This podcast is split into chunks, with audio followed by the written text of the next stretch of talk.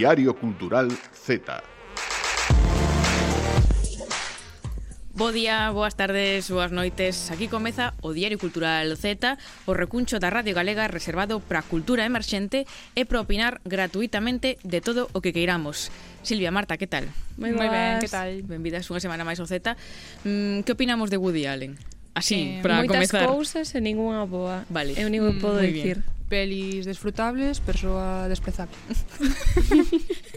Esto así, uh, nada máis sí, comezar. como titular. Eh, como titular, persoa desprezable, pero pelis ben. Bueno, sí. algunhas mellores que outras. Algunhas mellores que outras. Tamén pero podemos ben. preguntar despois ao noso colaborador Jesús a ver que opina de, de ben. Woody Allen. Perfecto. Para meternos todos aquí no, no lodo directamente porque eh, chegou nos ao correo Temos correo electrónico sí. mm, diariocultural@crtvega.gal para pois para non sei, aludidos, eh, ofendidos o que o que queiran. Eh, pero chegounos unha imaxe do artigo eh, de, do domingo pasado de César Casal de La Voz de Galicia que se titula El apestado de Woody Allen en no que defende a Woody Allen uh -huh. e non sei por que nos chegou non sei que non lo mandou igual pero, querían saber a nosa opinión xa claro, saben pero, xa pero sin descontextualizado totalmente chegou nos a foto sin un hola nin vos días ni nada a foto aí directamente. Unha captura ademais unha captura do mod non, non vou comentar isto pero nada que, que, en, que en sexa, grazas por escoitarnos, sí. sí, porque se ve que escoita o programa, que polo menos sabe que existe. Sí, eh, sí, que, que manden mensaxes, sí. moi ben. Grazas por compartir cosas con nós, eh, esta é a nosa opinión sobre Woody Claro, bueno, se alguén quere, quere que sigamos opinando, que sigan enviando máis correos con, con, con fotos. fotos. estamos abertas ao que sexa. Pero nada, iso, estamos de volta no estudio multimedia, sí. ademais, porque xa sabemos que nos botastes moito de menos a, a semana pasada que estivemos no cortocircuito, nos pasámoslo moi ben. Fomos de excursión. Foi moi boa, unha experiencia moi chula. Eso é como a típica excursión que faz en, no en cole, primaria. Sí. A, Era un día guai, a Santiago, día ali, sí. Pero agora no traballo, unha excursión de traballo. Un día moi a favor diso, moi a favor. A ver se repetimos. Pero esta semana estamos no estudio, podes vernos de novo no YouTube, escoitarnos tamén en radiogalegapodcast.gale, eh, plataformas de audio e, por suposto, os sábados e os domingos ás dúas e media da tarde na FM da Radio Galega. Esta semana, de que imos falar, Marta? Pois pola miña parte imos comentar o Pokémon Púrpura e o Pokémon Escarlata que saleu esta fin de pois novo tráiler e cousas Pokémon moi... español. Claro, bueno, peninsular, non? Peninsular. Eu prefiro chamarlle peninsular que español. Pero bueno, que estaremos comentando que aparecen ese tráiler, temas que xa se trataron, que xa se filtraron, pero bueno, máis extensamente se amosan agora de novo. Moi ben. Eh, Ti tes un conto, un, un non uns refráns... Tampouco. No. Pero virán vellos coñecidos, iso sí, ah. así que recuperamos cousas da tempada pasada para falar de como se fai un podcast. Ah, eso está ben falar... sabelo. Sí. vamos a, a tomar, alturas, vamos a tomar nota. Ou para falar de como é marchar a Estados Unidos e vivir unha vida de xubilada en Florida. Eso tamén é interesante. Teremos porque... tamén a Jesús Silva e máis a Sara Donoso. Cantas cousas. Sí, Increíble imos programa. Comezamos entón.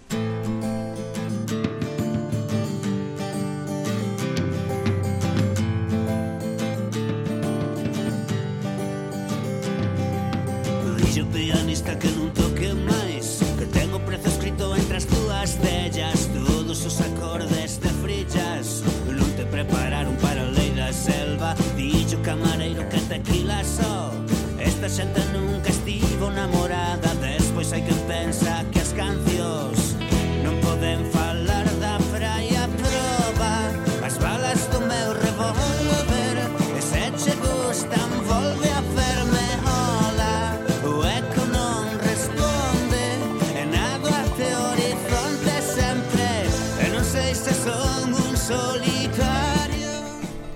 o Diario Cultural Z sería un programa de radio, sería un podcast ou como sae en vídeo no YouTube mm, deixa de ser podcast, non temos moi claro, non, Silvia? Un mix de todo. Un claro. Mix. Sí.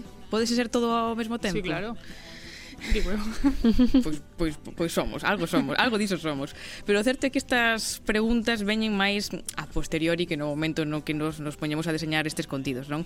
O Z, pois é iso, un pouco de todo, e o bo é que pois, cada quen pois, o pode consumir como máis lle preste, non? Que era un pouco a nosa intención chegar a moitísima máis xente.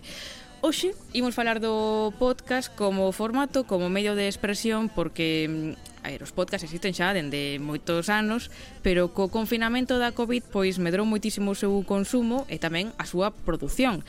Cada día máis xente escoita podcast e cada vez somos máis as creadoras tamén.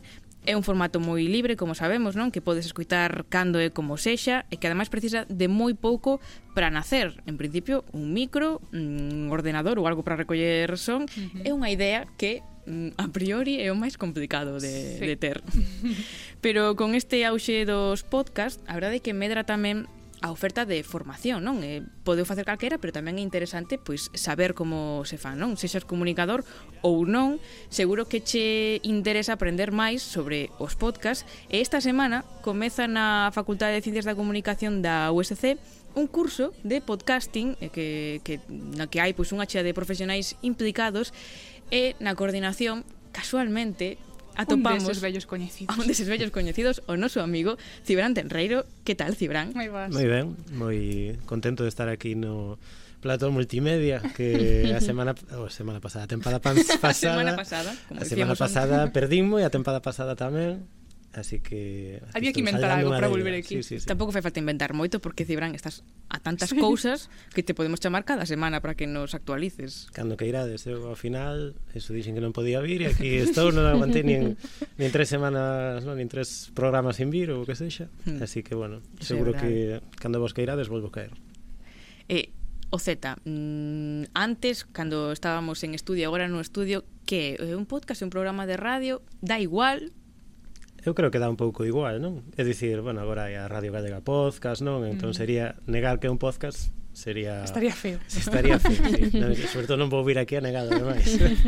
eh, non, creo que é un podcast, pero bueno, que decides vos, pode ser moitas máis cousas á vez, non? Ao final hai podcast que son só podcast, hai podcast que tamén son radio, no vosso caso tamén sodes eh, youtubers. eh, a miña idade, que contaba.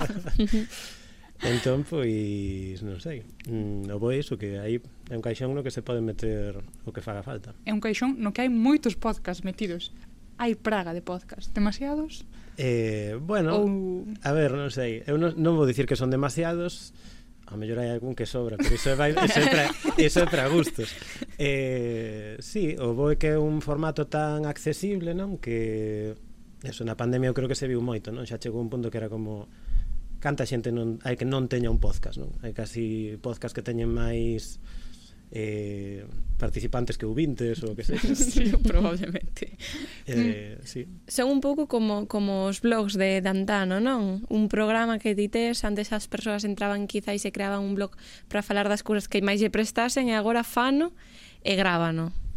Eu creo que sí, que a, a analogía está bastante ben porque aparte os blogs pois pues, seguramente perderon presenza co paso do tempo, non? Tamén mm. coas redes, pero os podcasts a mí dá má sensación de que sí que cubren un pouco esa idea de inmediatez, de, de expresión, sobre todo, non? Eh, Despois, claro, evidentemente con todo o auxe, sobre todo nos últimos anos, pois a parte desa vía como de autoexpresión máis amadora ou que sexa, pois sae toda esa parte tamén máis de dunha industria alrededor dos podcasts, non? Que tamén un pouco no curso o que quixemos abordar tamén un pouco máis, non? Ver esa ver o podcast tamén como unha vía de profesionalización, pois para a xente que está agora estudando na na facultade mm. ou que estivo nos últimos anos. Hai industria en Galicia, hai mm, posibilidade de ser profesional do podcast eh, en Galicia? Igual eso teño que preguntar a vos, non? Nos, como profesionais do podcast, decimos que sí. ¿no? Pero eso, claro, tamén temos un, un medio moi grande detrás, non? Temos unha corporación pública moi grande detrás. Eso, mm, evidentemente, cambia a, a forma de, de facer de traballar e eh, de, de vivir tamén do formato. Pero mm, claro, cando non ates detrás a, a, a ese, esa corporación, cando eres independente, o mellor iso xa é, mm, mentemos noutros, noutros terreos máis complicados. Claro, a ver, é complicado, eh, e a, pois non sei, non vou vir aquí a falar con xornalistas da crise do xornalismo, da crise dos medios ou o que sexa, non? Home, mm, a miña sensación é que a industria aquí aínda está un pouco en cernes, non? Si que é verdade que hai medios, pois como por exemplo Praza Pública, non? De quen imos ter a, a analiste no, como unha das docentes do curso que teñen abordado xa un pouco o mundo do podcast, pero bueno, igual non ten a dimensión do que teñen pois grupos mediáticos, non sei, a nivel español ou a nivel internacional ou que sexa que están apostando polo formato, non? Entón eu creo que pouco a pouco, pois, eu que sei, se pensamos iso en podium podcast por parte de Prisa ou pensamos tamén, pois, non sei, eh, digo por xente que vai estar no curso, non? Eh, e eu en Vocento tamén que ten un para os distintos as distintas cabeceiras que ten, pois ten tamén está producindo podcast eh, eu creo que a preocupación aí por parte da industria mediática pois é cada vez maior, non? Xa ves que se mete pois a mellor ata Spotify a facer podcast Spotify Originals ou como sexa, mm. Netflix ou Movistar ou o que sexa, non? Son empresas que están destinando aí esforzos, eh, iso eu creo que en algún momento tamén nos vai afectar a nós, aínda que moitas veces sexa empezando desde uns orzamentos máis baixos, ao final a, a clave son as ideas, non? non despois a técnica, bueno, xa imos amañando. pois pues sí. As ideas é un pouco a especialización do, do contido, non? Porque mm, dá má sensación de que, pois iso, nun panorama con tantísimo podcast, uns que poden solar, outros que non, pero o feito de que sean de nicho con temáticas moi especializadas tamén pode servir para que funcionen mellor. Sí, eu creo que ao final é bastante curioso, non? Eh, Eu creo que tamén, bueno, desde o Grupo Estudos Audiovisuais, que é onde promovemos o podcast un pouco dentro da investigación, pois é interesante isto de ver como se van armando distintas comunidades alrededor de contidos moi uh -huh. de nicho, non? Tamén, bueno, pois no caso dos, posca, dos podcasts en gallego, pois a mellor unha comunidade alrededor da lingua, que con pod gallego, pois eh, penso que é moi evidente, non? Para poder atopar aí esas cousas, pero despois Claro, non sei, supoño que todo o mundo pensará e que podcast escoito eu que sexa completamente de nicho, non sei, outro día topei un especializado en Buffy cazavampiros ou que sexa mm. eh, eh, e cousas haberá moito sí. máis específicas aínda, non? Eh, eu creo que claro, ao final sobre todo desde esa parte máis amadora o interesante e bonito é atopar como esa comunidade de, como había nos blogs o que dicíaste antes non? Mm. Eh, xente moi apaixonada dunha cousa hiperconcreta eh, Ainda que despois escoiten o podcast 20, 50 ou 100 persoas que sexan as 100 persoas que tiñan que escoitar. Mm. claro, porque a audiencia é importante, pero se partimos da base de que o podcast te o faz, como decíamos, cos blogs, para expresarte ti sobre, sobre os teus gustos, sobre as túas ideas, quizáis tampouco é tan importante, non? Se non tes alguén que che respalde, se algo que ti faz porque a ti che gusta, non é tan importante ter unha comunidade tan grande. Non, eu... Eh, a ver, un dos meus podcast favoritos... Eh, deixando a parte o, o Z Por suposto eh, Pois é un podcast que se chama Radio Braña Que empezaron a facer uns eh, amigos durante a pandemia Porque estaban pechados na casa E decidiron que cada día ao acabar a súa xornada laboral de teletraballo que iban a abrir unhas cervexas e, e facer un podcast. E basicamente usábamos para mandarnos dedicatorias por WhatsApp e ese podcast era privado, recibíano eh, non sei, 25 ou 30 amigos para mandarse dedicatorias entre eles e eu, non sei, nunca fui tan feliz como escoitando eso aí mentras baixaba a intentar eh, correr no, no garaxe durante o, o confinamento e, e iso, é como a comunidade máis mínima, unha cousa feita solamente para os amigos, bueno, agora están coa tempada en aberto pero, pero sí, eu creo que mm Depende, evidentemente, para quen este formulando o podcast como unha alternativa laboral dentro da industria ou que sexa, pois o respaldo do público vai ser máis relevante, pero eu creo que é bonito que convivan as dúas cousas. Decías, eh, desculpade, compañeras, decías antes algo que me, que me gustaba moito, que era eh, saliu algo eh, como uns amigos para tomar unhas cervexas, unhas birras, porque eu todos os, coita, os podcast que escoito teñen esa, como teñen esa función, son conversas entre amigos. E sí, esa filosofía. Claro, eh, bueno, alcohol de por medio se uno xo deciden eles. Sí, a ver, eh, sobre todo, home, eu creo que é unha cousa moi bonita de facer, non? É como Ao final supoño que moita xente cando está tomando unhas cervexas ou non, ou que sexa, eh, cos amigos nunha conversa, pois é como dis, oi, que conversa máis bonita, máis interesante.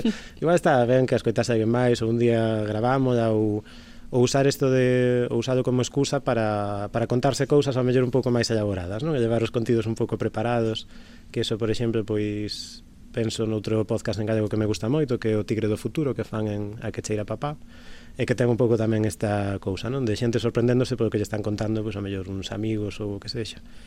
Eh, Sí, non sei, para min é, é genial que sexa así. E tampouco por tirar pedras contra o noso propio tellado, pero non sei se pensas que isto é como unha burbulla que hai tantos podcasts que un día vai estoupar ou xoimos ter normalizado como calquera outro tipo de, de, de formato? Non o sei, a ver, haberá que ver, tampouco quero poñerme aquí a facer de oráculo. Eh, por exemplo, se pensamos nos blogs ou o que sexa, pois eh, os blogs tiveron un auxe, despois viñeron algo menos, pero seguen existindo, son unha cousa naturalizada que a xente sigue abrindo blogs a día de hoxe. Pode ser que se pase un pouco a febre do podcast en algún momento e se produza un pouco menos, ou se consuma un pouco menos, ou que o podcast máis profesionalizado cope máis parte da, hmm. da audiencia. Pode ser, eh, pero ao final sí que creo que os, a tecnoloxía tamén avanza cara a que sexa cada vez máis democrático o acceso, non? Que máis xente teña facilidades para facer un podcast, bueno, que as facilidades xa son moitas, non? Pero cada vez máis, eu que sei, os móviles teñen mellores micros ou eh, os programas de edición de audio son pues, cada vez a mellor máis sinxelos, máis fáciles de utilizar ou Entón eu creo que e ao final iso, que sei, incluso se non tes amigos, pois eh, podes falar, podes falar ti só, que tamén é outra cousa que ás veces esquecemos dos podcast, non que hai esa dimensión tamén un pouco máis narrativa, máis literaria que, que a mí tamén me gusta moito, aínda que agora non dixese ningún exemplo disso.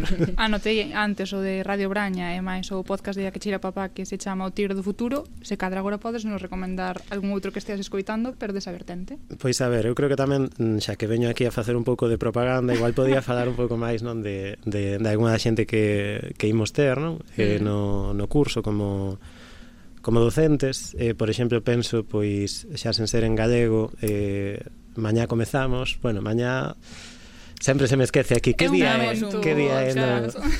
Poñamos que en datas próximas a este momento no que estamos aquí, pois empeza o curso, imos ter a Nuria Pérez e a Arturo Dezcano, e Nuria Pérez eh, fixo o podcast Gabinete de Curiosidades, que a min persoalmente pois gustoume moito, é un podcast no que ela é a conductora, faino con un ton moi literario e iso alrededor de temas moi diversos que entran dentro desa premisa do gabinete de curiosidades, non? Moitas veces teñen que ver con cultura, con literatura, e contar historias ou recontadas de alguna forma cousas normalmente do pasado e desde a súa propia perspectiva e sensibilidade e ese para min pois é moi recomendable como un podcast xa non tanto de conversa, non? Os de Mm, non sei, outro día escoitaba un dos de Arturo Dezcano, o primeiro episodio de In Situ, que era un pouco xogando a mm, a chegarse a eh, eh, coberturas que se fixeran desde medios locais, non, de temas que pasaran desapercibidos a mellor en España, neste caso o primeiro era da eh, non me recordo bueno, era con José Precedo de, del diario sobre unha cobertura que fixera dun caso de corrupción alrededor de patrimonio, operación retablo era, non sei, se estivera moi ben tamén pois o que seguimos ter a Andrea Morán, que traballa en Vocento facendo un podcast sobre cine que se chama La mirada encendida, que é fantástico e que recomendo moito. E non sei, eh, bueno, podría empezar a dicidos todos, pero igual xa Temos así xa para sí. Ir comezando escoitando temos xa moito moito menú eh, agardamos que o, o, o curso que vaya moi ben que sexa pois, unha primeira edición que, que esperdo interés por, por máis por facer máis podcast e eh, que te sigas facendo cousas para que nos logo para teñamos a excusa claro. de, de convidarte a este a este Z que un podcasteu como outro calquera. bueno, bueno, a ver, pois pues moitas grazas e nada, espero que vaya ben, espero vir contarvos máis cousas e espero tamén que os podcasts que saian do curso pois hmm. os escoitedes ou Dentro dos meses volves falar deles. Bueno, pois pues, xa, xa teño excusa, un par de meses algo haberá. Grazas, Tibrán. Nada, vos. Diario Cultural Z.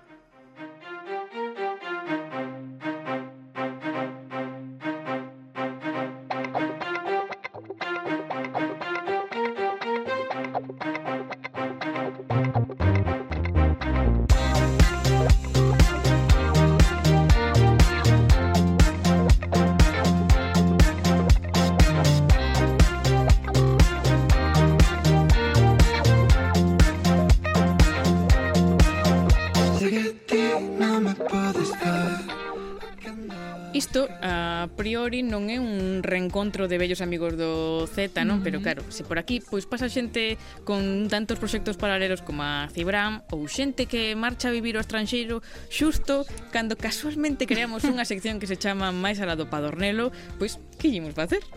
acollémolos porque teñen cousas moi guais que contarnos e neste caso tamén porque nos ameazan se non o facemos. Si, sí, temos de aprezo a nosa vida, eh, pero tampouco lle puxamos moito impedimento mm. porque sempre fomos un pouco dadas a non despedirnos de todo, así que hoxe ese salto que pegamos o, o telón de grelos pegámolo coa persoa que máis críticas fundadas ou infundadas pronunciou aquí no, no micro do Z a persoa que case fixo unha oda de Barbie a princesa costureira recordemos que mm. buscou inimigos por riba das súas posibilidades e que hoxe se cadra aínda gaña algún máis ten, sí, tempo para todo ten tempo. Celia Riande estabas aí Estou, estou, estaba e estou Que opinas de Woody Allen? Um, non son unha fan precisamente, a verdade é que non, non. Aquí comentou unha película de Woody Allen que non quedou sí. demasiado no, ben. No, no. Ao mellor a foto era por ti. Chega con retraso, pero sí. a foto mandabancho un ointe para Coitaron o podcast ti. atrasado. Sí, probablemente. Estaba escuchando. Sí. Que, que película, que película fora? Días de Choiva. Era de mm, ¿Cómo, sí, cómo era? Día, de Choiva en Nova York sí. algo así. Película, sí. película. Que fai Celia aquí? Que fai Celia aquí? No, que fai Celia en Estados Unidos? que faz en Indianápolis? Absolutamente nada. Xa sabíamos. Esa é a resposta. Eh, nada, estou aquí por cambiar de aires porque ás veces necesitas pois sair de, do que coñeces, non? E cambiar un pouco de, de aires e disfrutar de, desta de cultura tan tan terrible que a norteamericana. É reincidente, ademais. Sí. Porque mm, calquera que, que escoitara a Celia algunha vez no Diario Cultural Z, mm, ainda que na máis foran cinco minutos, mínimo unha referencia a Yanquilandia, Yanquilandia. soltou. E non eran mm, é que, claro, precisamente boas. É que claro, é, no, no, ninguna. É que algo que te marca, pero, pero non sei por qué debo ser masoquista, que gustame volver eu estou un pouco traumatizada en xeral dende que descubrín que un prato tradicional aquí, bueno, tradicional, eh, moita tradición non teñen, pero é eh, combinar gofres e polo, polo fritido. É que non sei. todos non todo, todos coñecemos que por ala por Yanquilandia pois fan mesturas moi moi raras. É a máis rara que viches ou hai máis? Um, pff, É que hai tantas cousas aquí que son distintas, é dicir, a min nunca me vou cansar deste país porque hai cousas o feito de que eu agora estea en Florida. Claro, meu, que é outra. Mm, esa é outra, porque agora non estou en Indianápolis, estou en Florida. Este é outro mundo no que a xente convive con caimáns. eh, e cómenos. eh, e a xente trasládase en carriños de golf, que a min pareceme unha fantasía que, que a verdade é que agradezo. Sumas este a ese... non sei como definilo. Que? a esas tradicións, no, ah, sí. iba a decir unhas Estás mimetizada co entorno sí, ou ben. mantés eh, a túa eh, dieta mediterránea? Sigues Dignidad cociñando eh, estupendamente como cociñas ti? Ah, no, no, no. Eu mm, sigo cociñando porque é que non son precisamente fan da gastronomía exclusiva que é unha hamburguesa e patacas fritidas. Entón eu sigo cociñando vou atopando produtos máis ou menos sans no supermercado que iso xa é outra cousa que o supermercado é o meu mundo favorito. Pero, pero sí, é impresionante porque podes facer unha non sei, unha berenxena rechea de algo e todo o mundo está en plan oh, pero que chef? Eu, alta sí, cociña. así é. Claro, eu, sí. eu, quería che, eu quería che preguntar que opinaban os demais dos, dos teus pratos, que quizáis son un pouco diferentes para eles, a nosa comida, quizáis o ven como algo de outro mundo, non? Ah, sí, sí, sí. Eh, o polvo, o polvo feira, non, non é algo que aquí teña moito éxito. Eu intento vendelo, o San Froilán porque quero viñeron. que veñan no. a visitarme. Eu intento vendelo, digolle, mira, eu entendo que igual a textura non che gusta, porque pode ser un pouco curiosa, pero xuro que está rico de verdade e non non teñe, non ten éxito. Pero comen comen caimán. No. Sí. Eu comín caimán en ¿No? Florida. Sí, porque sabe, aquí temos a xente moi viaxada. Eu pero, sí, eu comín caimán. Pero que dis? Estaba rico. Cocodrilo, eu que sei, algo diso comín. Estaba rico. Estaba rico. está, está decente. Bueno, entre comer a caimán ver, e comer eu eh, polo con, non... o con, con gofre, pois... Ai, a ver, eu escollería o primeiro. Que, que o caimán... Din que o caimán sabe a... A polo. Como a todo. A peituga de polo. Como a todo. Mm. Mm-hmm. Eu non, eu non o probei, eh? Non, non tiven o... É que xa te dixen, porque eh, a todo isto eu viví un furacán aquí. Bueno, non no, aquí, perdón. pero... Chegaches despois do furacán. Eh. Primeiro pasou o furacán bueno, e logo vale. chegaste Celia. sí, sí, pero puden ver o despois do furacán, que tamén foi moi impactante, porque foi o maior furacán que houve nesta zona en como 100 anos, porque son así de gafe, mm. e, e os, os caimáns están traumatizados, e eu estaba aquí avisada por Lucía Junquera, cuidado cos caimáns, e non vin un só caimán. Xa os verás, xa os verás, xa os verás. A ver, Cele, que estamos na sección de máis alá do Padornelo e queremos coñecer, mm, pois iso, que hai máis alá. Estamos nun programa aí... cultural, ademais. Sí, iso. En que, que en Estados vai. Unidos moita cultura non hai, pero vamos intentar. Primeiro... Moita... Mm, moita... Mm, Dime. Nada, que nos fixeras un retrato de Indianápolis. Descríbenos Indianápolis. Vale. Indianápolis é unha cidade relativamente grande. É dicir, é grande en Estados Unidos todo xigante, entón tens que cambiar a, a escala. É grande aquí, entón en, en Galicia é xigantesca.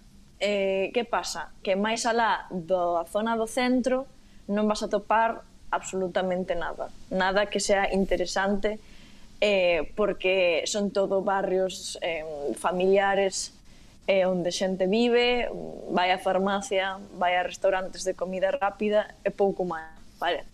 Pero, se te metes no que é o centro da cidade, aí podes ter a sorte de, atropar, de atopar incluso museos. incluso wow. Porque iso, teatros, cines, algo diso gastan. A ver, os cines sí, sí que hai, sí que hai, o que pasa que como dicirte, en plan os cines, aquí o que é pequenas producións hai poucas, non se aposta por elas porque basicamente é unha sociedade hipercapitalista Entón, o que se vai apoiar sempre son producións de Hollywood grandísimas, e entón o cine non é algo que me estea encantando aquí precisamente. Agora, sí que hai museos. Hai un museo que é moi interesante, que o de, é o de nenos, Museo de Nenos, de feito. E, é curioso porque, ademais, sabedes a película esta de baixo a mesma estrela sí, ou algo así. Sí, sí. Que, que era, sí, sobre esta parella, pois eh, esa indiana, en, está grabada en Indianápolis. É o museo, eh, sale nesa película porque porque ten unha como un xardín moi moi interesante con con decoración en forma de esquelete. É unha cousa curiosa, pero sí que é moi divertido incluso para os adultos porque porque como non teñen moita historia como país, ás veces teñen que compensalo con cousas divertidas. e, e entón, eso sí que está moi guai. Despois, sí que teñen, por exemplo, zonas que son máis históricas. Em, por exemplo, agora onde estou en Florida, máis alá de Indianápolis, chamase Raskin, é unha zona na que primeiro foron os estudos de Universal, que, que é unha compañía de cine in, impresionante, e que foi independente tamén do resto de, dos, dos territorios que, que, que están alrededor e que tiña a, a súa propia moeda e que tiña o seu propio sistema. Esas, esas cousas sí que son interesantes. Estudiaches, eh, Celia? Agora. Sí, preparadísima. É que sí, que son unha persoa curiosa, con moitos intereses. Xa, sabémolo perfectamente. Pero quedou moi claro que Estados Unidos é o país da anticultura. Sí, así que, por resumir. nada, que nin, nin teatros, nin cines, nin nada... Sí, a ver, a ver... No, no, no, no, ver. no, no, no nos debes ti... a contraria, que además temos que seguir con, as nosas culturas que son as interesantes e as importantes, Celia. Pois paso, pois paso entón. Pero quero decir, só quero decir que, que Indianapolis ten un centro, centro, centro, que se chama, bueno, é a Praza do Obelisco, en esencia. Mm. E, e ali sí que podes ver pequeno pequeno comercio, vale? E xente que fai cousas propias e que as vende, e hai actividades culturais. E eh, iso está bastante mellor que o resto que adoitan ser en Estados Unidos pois grandes compañías intentando mm. vender porque mm. todos todo todo todo está baseado no, nos cartos. Sí. En ese sentido. Como este programa. Nós tamén o facemos por cartos. Mais ou menos. Mm. Ah, sí, sí, sí, sí. sí. é que ten, pin, ten pinta, verdade? Eh? eh, pois nada, Celia, nos temos que seguir con este programa. É unha pena porque estaríamos contigo 4 horas, 5. Así que volve pronto, deixa os, que deixa os americanos tranquilos que non che fan nada. Volve. Non os preocupedes, que vou, vou volver pronto. A ver se é verdade. A ver se é certo. Quedamos con esa, con esa promesa, eh, Celia? Vale, correcto. Que che vai ben, que non che coma ningún caimán. Falamos pronto. Un placer, como sempre. Mua, mua, mua,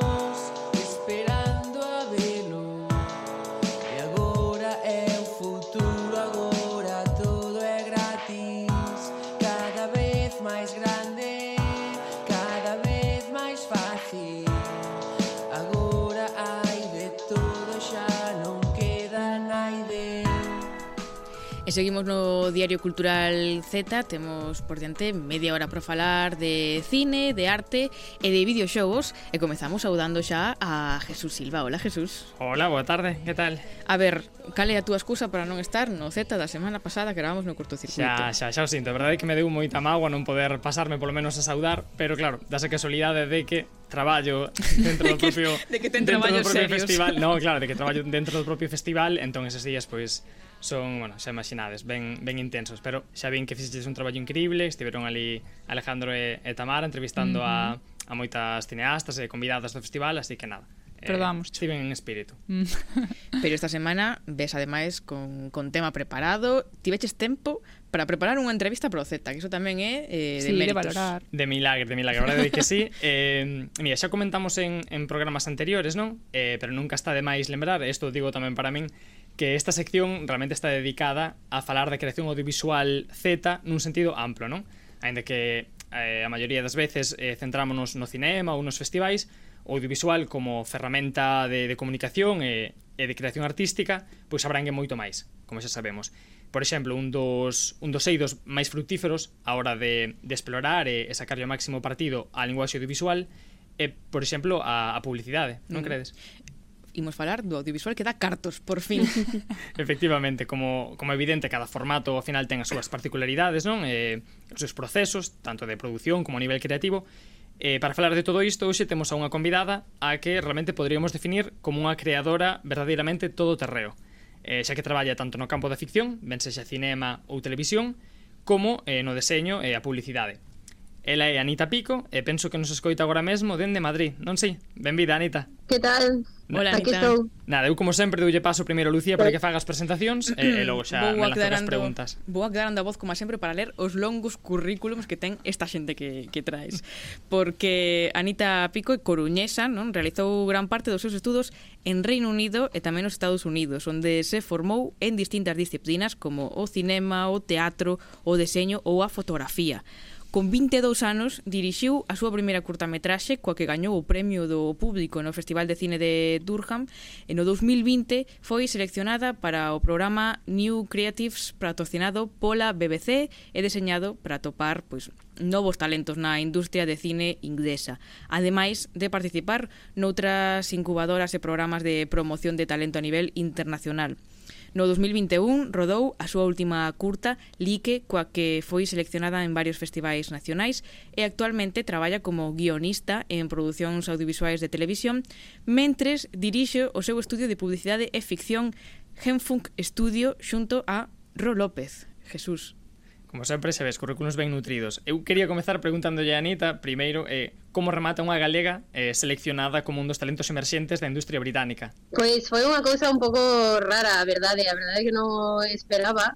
Eh, bueno, eh, como dixeches, eu estudiei en Estados Unidos por outros motivos, porque antes eh, xogaba tenis, estiven ali gracias a unha beca, Eh, bueno, despois de eso eh, decidín que, bueno, quería estudiar cinema eh, quería volver a Europa tamén, así que, bueno, pusen os ollos en Reino Unido.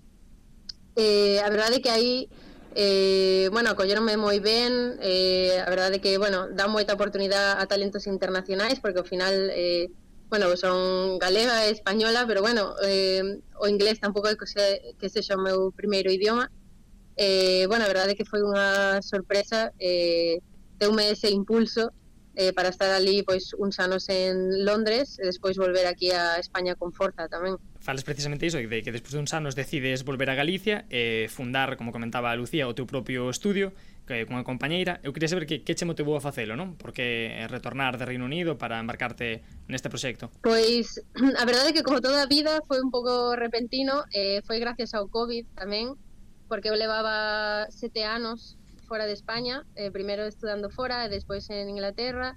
Eh, a verdade é que cando estaba ali en Inglaterra eh, todas as cousas iban super ben, eh, veste ali xa na industria e dis, va, eh, isto vai xa rodado e de repente ven o COVID eh, atopaste pois ali noutro país eh, ao final tiven que tomar unha decisión de decir, bueno, eh, vou volver porque non sei que va a pasar co mundo eh, e coa vida en xeral Así que nada, eh, foi un pouco a vida en sí. Eh, estiven ali, eh, pasei a cuarentena aquí en España, despois retornei a Reino Unido, eh, ali comenzaban outras veces eh, co confinamento, etc. E eh, decidín volverme, eh, veste un pouco tamén eh, descolocada, porque se estiven sete anos fora, e volves a Galicia, eh, eu xa tiña pois un bagaxe, eh, traballos, etc. Pero non coñecían ninguén da industria aquí en Galicia, eh, nada. Así que a verdade é que coñecín a, a Ro, eh, ela xa traballaba en public, traballaba en publicidade, e eh, eu quería explorar un pouco pois eh, tantas convocatorias eh, de ficción, etcétera, en, en Galicia, eh, nada, atopámonos pois presentándonos en, a convocatorias, eh, pois para ese tipo e dixemos, bueno, pois quizáis podemos levar un pouco eh, este estilo un pouco máis estranxeiro, pois así como máis funk, que dai ven un pouco o nome, e eh, decimos, pois pues, veña, imos montar un estudio de publicidade, xa que estamos ali, eh, aí estamos. E así gañamos un pouco de cartos tamén, que no audiovisual pois pues, non está tan mal. Exacto. Podes contarnos un pouco en que tipo de proxectos estades involucradas normalmente, sobre todo no, no eido da publicidade que nos interesa tratalo hoxe dende o punto de vista audiovisual? Pois pues a verdade, como che digo, pois pues que cheguei a Galicia e eh, dime conta pois pues, que, bueno, a publicidade aquí eh, bastante conservadora, digamos, eh, todas se parecen as produtoras nun grado ou outro, parecense demasiado, eh, pois dixemos, bueno, pois igual podemos eh, aportar ese graniño diferente a publicidade, pois máis moderno, máis eléctrico, eh, a, decidimos apostar por ese estilo eh, totalmente para diferenciarnos do resto eh, comenzamos un poco pues eh, intentando meter tanto efectos de vídeo como animación, que quizás pues non se usan eh, demasiado. Eh, bueno, eh, a verdade é que, ainda que as marcas son conservadoras, pois pues, eh, se queren apostar por un, unha cousa un pouquinho máis eh, moderna ou, digamos, diferente, pois eh, aí estamos eh, ao final o que necesitas tamén é pois destacar. Eh, ao final é tan, hai tanta oferta en todos os campos que se podes ofrecer ou intentar ofrecer algo diferente, pois eh, ao final eh, os traballos chegan e as marcas pois chegan. Eh, entendo que, que isto é o que ocupa a maior parte do vosso tempo, pero eu sei que con todo non, non deixas de lado eh, eses traballos de ficción, non? Eh, falaba, bueno, falaba antes Lucía da, da tua última curta, de Lique, que penso que de algún xeito nace tamén como no marco dun proxecto de promoción de algún xeito, neste caso das Illas Cíes, non sei? Sí, a verdade é que foi un pouco así, porque, bueno, eh, sabía da convocatoria de, de Illas Cíes, eh, parece un lugar pois pues, eh, alucinante, extraordinario, eh, cando tes a oportunidade de rodar nunha illa, é como unha cousa super diferente, Eh, bueno, eu sabía que era un pouco eh, para promocionar as illas e demais, pero bueno, dabanche un pouco de campo para presentar a historia que ti quixeras, eh, en vez de facer pois eh, unha, unha peza só de promoción pois decidimos eh, bueno, pois facemos un thriller botánico. Eh, pois aí está. Ao final as illas eh, saen moi bonitas. Eh, é verdade que a historia é un pouco máis eh, tétrica e misteriosa pero bueno, creo que luce moito e esperemos tamén que o Concello pois estea contento. Un thriller botánico, a mí encanta esa definición. e, eh, e Anita, ademais de, da publicidade e desta curta, eh, e, o ano que ven vas a comezar a rodar a túa primeira web serie, non? Non sei que nos podes comentar mm, sobre iso. Pois eh, Pulper era un dos proxectos que comecei a mover eh, dende que estaba, cheguei a Galicia. Foi unha das primeiras ida, eh, ideas que tiven cando regresei, porque eh, ao viaxar moito, pois pasei moito tempo nos aeroportos, etcétera. Eh, a verdade é que unha das cousas que máis ilusión me facía é cando estabas no aeroporto eh, pois, por exemplo, en Londres, eh, de repente comezabas a escoitar galego. Era como unha cousa super extraordinaria. Eh, sempre coincidía que nunha porta de embarque, que era sempre a última da terminal, eh, comezabas a escoitar galego e da forma que nos movemos e falamos, etcétera eh, pois eh, ah, pois deberíame eh, facer unha serie o mellor sobre unha aerolínea galega. Como sería eso que eh, se ten unha liña só dende Londres eh, ata Galicia, ou son unha liña internacional, e dais aí un pouco pois a, a idea. A verdade é que movimos eh, moito, estivo de finalista de proxecto no Carballo Interplay, eh, este ano pois recibiu a, o Agadic de subvención eh, pois o ano que ven rodaremos estes primeiros capítulos eh, pois a verdade é que é moi interesante porque e comedia que apeteceme moito despois de facer este thriller botánico, sí. así que nada, super guai. Pois pues que ben, Jesús, cando se cando haxa os primeiros capítulos, teremos que ver aquí. Por suposto, xa comentamos que aquí acollemos todo tipo de formatos audiovisuais, xa tratamos as webseries en programas anteriores, así que estaremos encantados de, de falar do proxecto de Anita tamén. Moitísimas grazas por estar hoxe con nós. A vos, moitísimas gracias por terme. Que vaya todo ben, Anita, moitas grazas. Moitas grazas. E eh, grazas, Jesús, como sempre. Un placer, xa sabedes. Ata seguinte. Vémonos no próximo.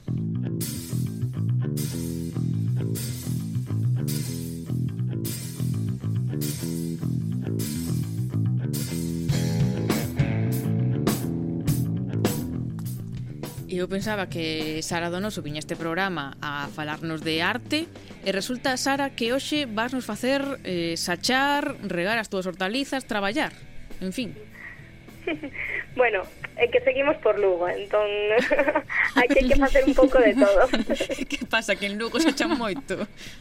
que carta de presentación dos de Lugo, oye. A ver, Silvia, de Lugo, algo que dicir? Eh, no, sempre moi a favor desa charla. Moi ben. Pues, por iso, por iso. Pero bueno, supoño que estás a falar de Leira House, verdade? Por iso pensas que pues, vou levar ao monte. Claro, claro.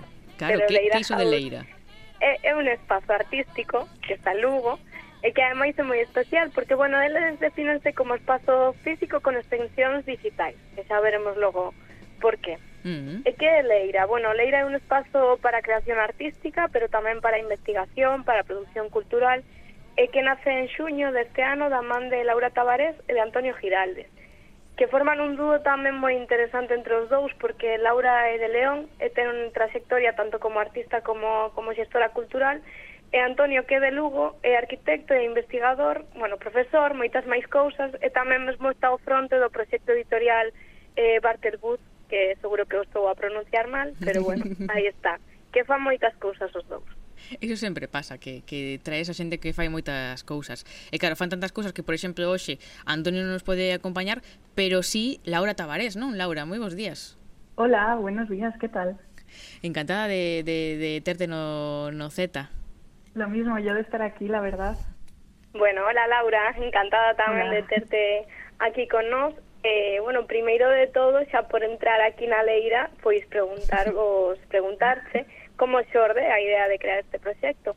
Pues vamos a ir adentrándonos, sí, poco a poco en, en la leira con el, con el sacho ahí al hombro. Ahí, ahí. Pues nada, como más o menos como las mejores ideas surgen un poco de, de una brecha eh, o de sentirse algo huérfano en algo, ¿no? Entonces, nosotros, eh, tanto Antonio como yo, en su momento, eh, bueno, pues estuvimos de aquí para allá y ya en, Madrid, yo al menos durante bastantes, muy- o sea, bastantes años más que él.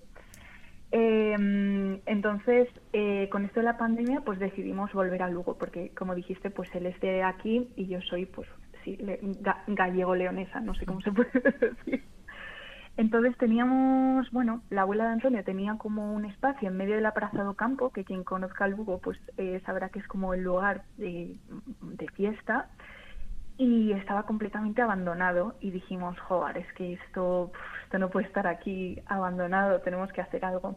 Entonces, pues eh, lo empezamos a rehabilitar así desde cero, poco a poco, y, y ahí surgió eh, Leira, ¿no? que es un lugar eh, para hacer realmente las, las cosas que nos interesan. Al final nosotros siempre estamos trabajando para afuera, que es como una maldición que, que tienen algunas profesiones y algunos lugares, y, como llevábamos mucho tiempo compartiendo pues discusiones ¿no? para, para entrelazar esto de, de la cultura, de la arquitectura o las prácticas espaciales, etc., pues decidimos sumar fuerzas y, y eso para labrar nuestra leira. E para sair tamén un pouquiño desa aboraxine, non, de velocidade na que estamos actualmente sumergidas todas, porque apostades tamén por, por crear e por traballar con tempos máis lentos.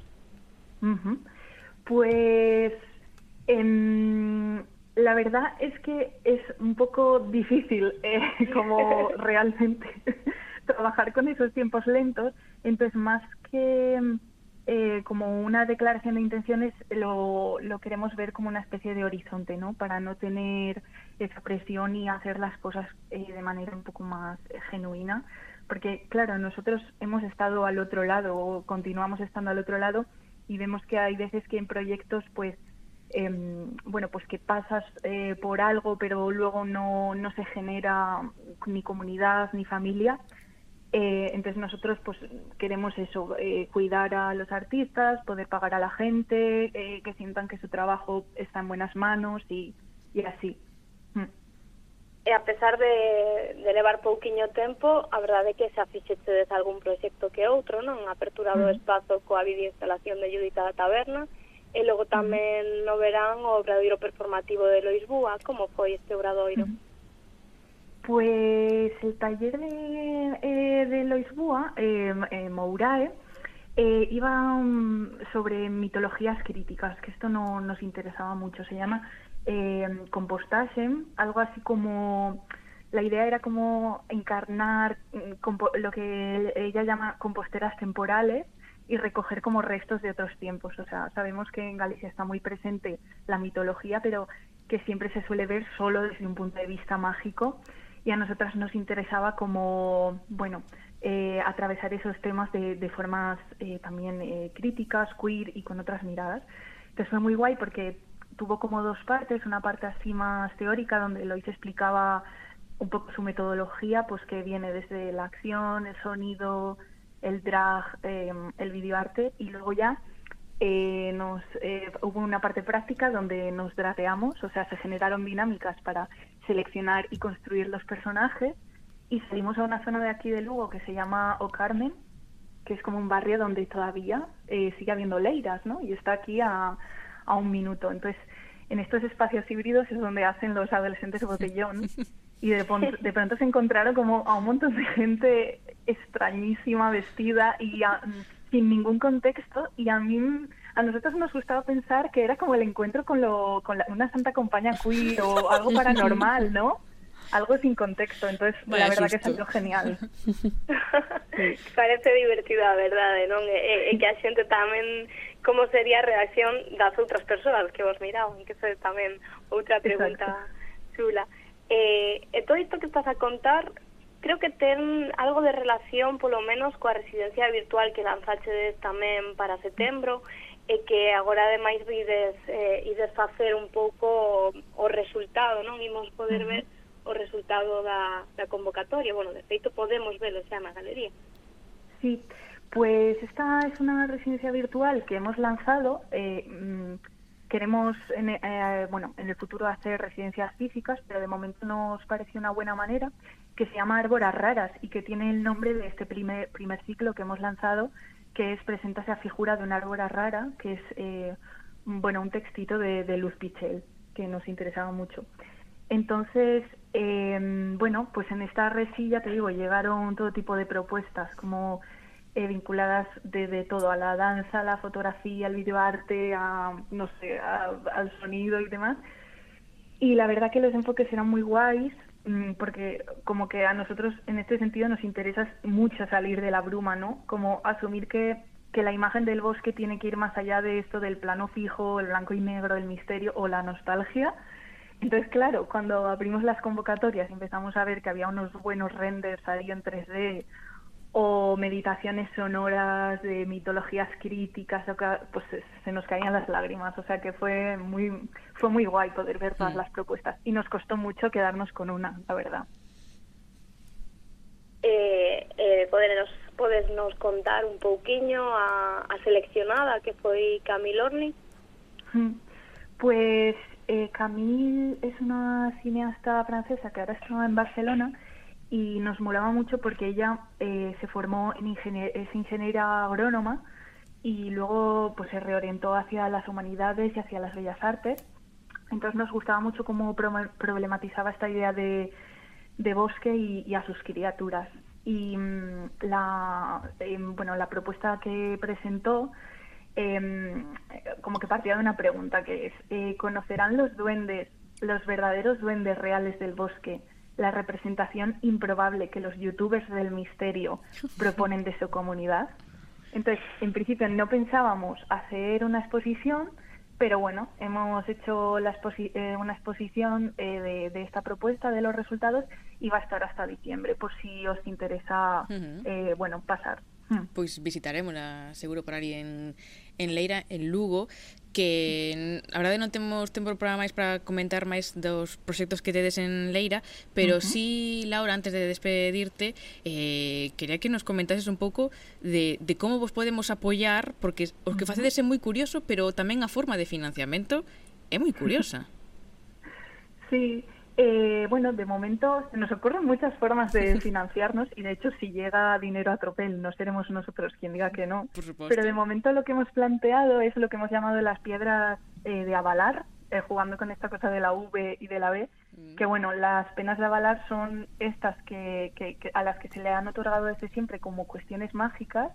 Por ejemplo, pues llevaban a un reo y, si, y la piedra oscilaba y, y esa piedra, dependiendo de cómo oscile, pues tiene la capacidad de llevar a un reo a la prisión o no.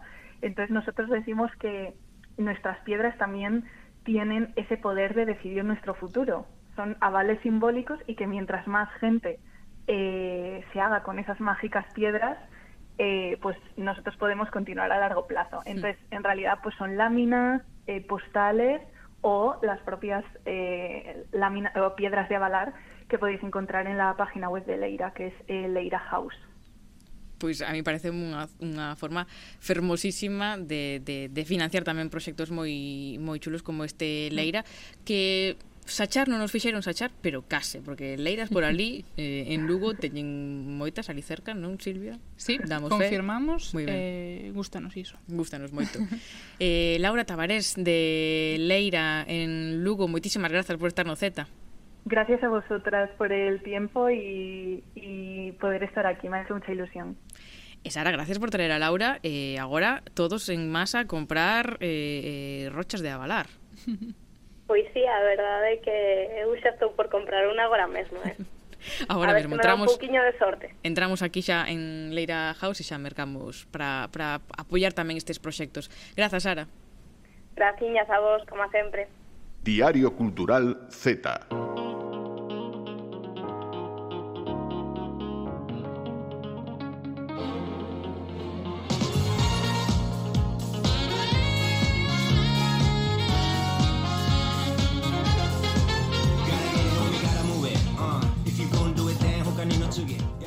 Agora, turno de actuación de Marta que sae xa ao escenario.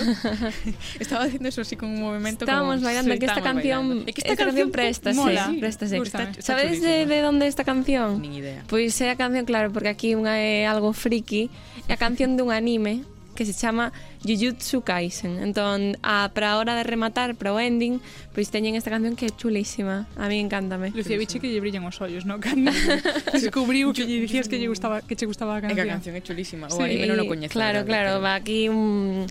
había que facer unha oda, un paréntesis para a canción. E agora podemos se queredes ir ir a, a Lea como sempre. O Pokémon español. O Pokémon español. Vamos a chamarlle Pokémon peninsular, Lucía, por favor. que non che queda claro. Claro.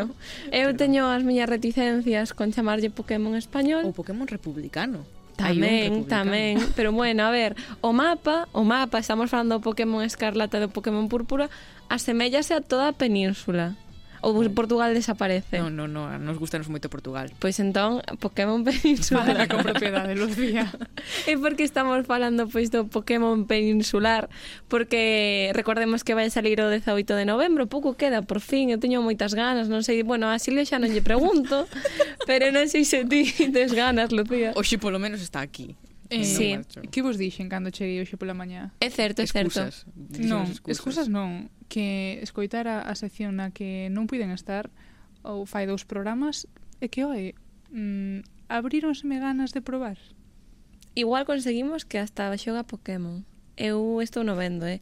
Silvia Gamer cada vez máis máis cerca. Eh, e imos vender tamén tempada. os rochas de avalar para financiar a compra dunha Nintendo para Silvia.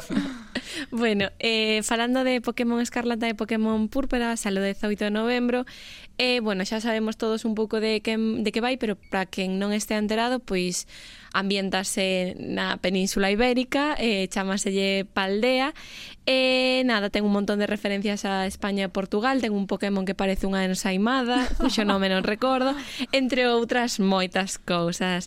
Eh, por que falamos hoxe disto? Pois porque saleu estos días eh, un novo tráiler que dura 14 minutazos eh, no que podemos ver algunha que outra novidade non anunciada e algunha novidade si anunciada pero mellor e máis explicada. E o primeiro co que nos temos que de quedar deste tráiler é o máis importante desta nova xeración de Pokémon, desta nova eh, entregada saga que é a teracristalización. Sí. Que é isto? Bueno, pois agora na, nestes, nestes dous videoxogos os pokémons vanse poder teracristalizar con unha mm, con unha Pokéball e isto vai a facer que cambien o seu tipo sabes, os pokémons teñen sí. un tipo pois ti lanzaslle esta bola unha soa vez durante cada combate e igual pode facer que un tipo planta pase a, face, a, pase a ser un tipo roca Aínda non están moi claras as teralizacións como van a ser, pero bueno, que hai 18 tipos, e o que fai é que o Pokémon se volva moi bonito, de, como de cristal, dai o nome. Por que te ríes, Lucía? Nada, o programa o este Z tamén é un programa de, de ciencia. Claro. Está claro. Claro, científico totalmente. E nada, eh, aparte de ser bonitos, que non é o único pro que serve, pois vai facer que ao cambiarlle o tipo de Pokémon, pois que os seus ataques, os ataques deste novo tipo que teñan os Pokémon, pois sexan moito máis agresivos e moito mellores a hora de, de lucir en combate. Isto abre novas portas a hora de, de loitar dos combates que amosará o xogo, porque tamén ten que xogar ca estrategia de saber de cando lanzas a bola, abre novos mundos. Este novo Pokémon abre novos mundos a hora de, de loitar, de enfrentarse aos combates, é algo que se confirma porque tamén eh, vai haber máquinas MT. Que as máquinas MT tamén estades desmeviando moi, sí, moi raro. Peixe.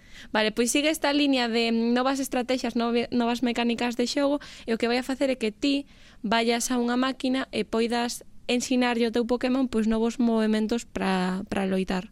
Ah. Entón vai a ser todo un pouco máis estratégico. Se digo que é como o ximnasio dos Pokémon, estou dicindo unha parvada. Sí, no?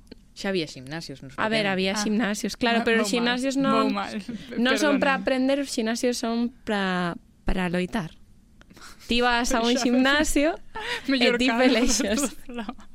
bueno, falando das, das máquinas MT, pois estos van a estar disponibles en todos os centros Pokémon e eh, para utilizalos, pois ti vas xogando, vas conseguir unha serie de puntos e eh, e ademais de conseguir puntos, pois a medida que loitas cos Pokémon salvaxes vas a, van a deixar materiais.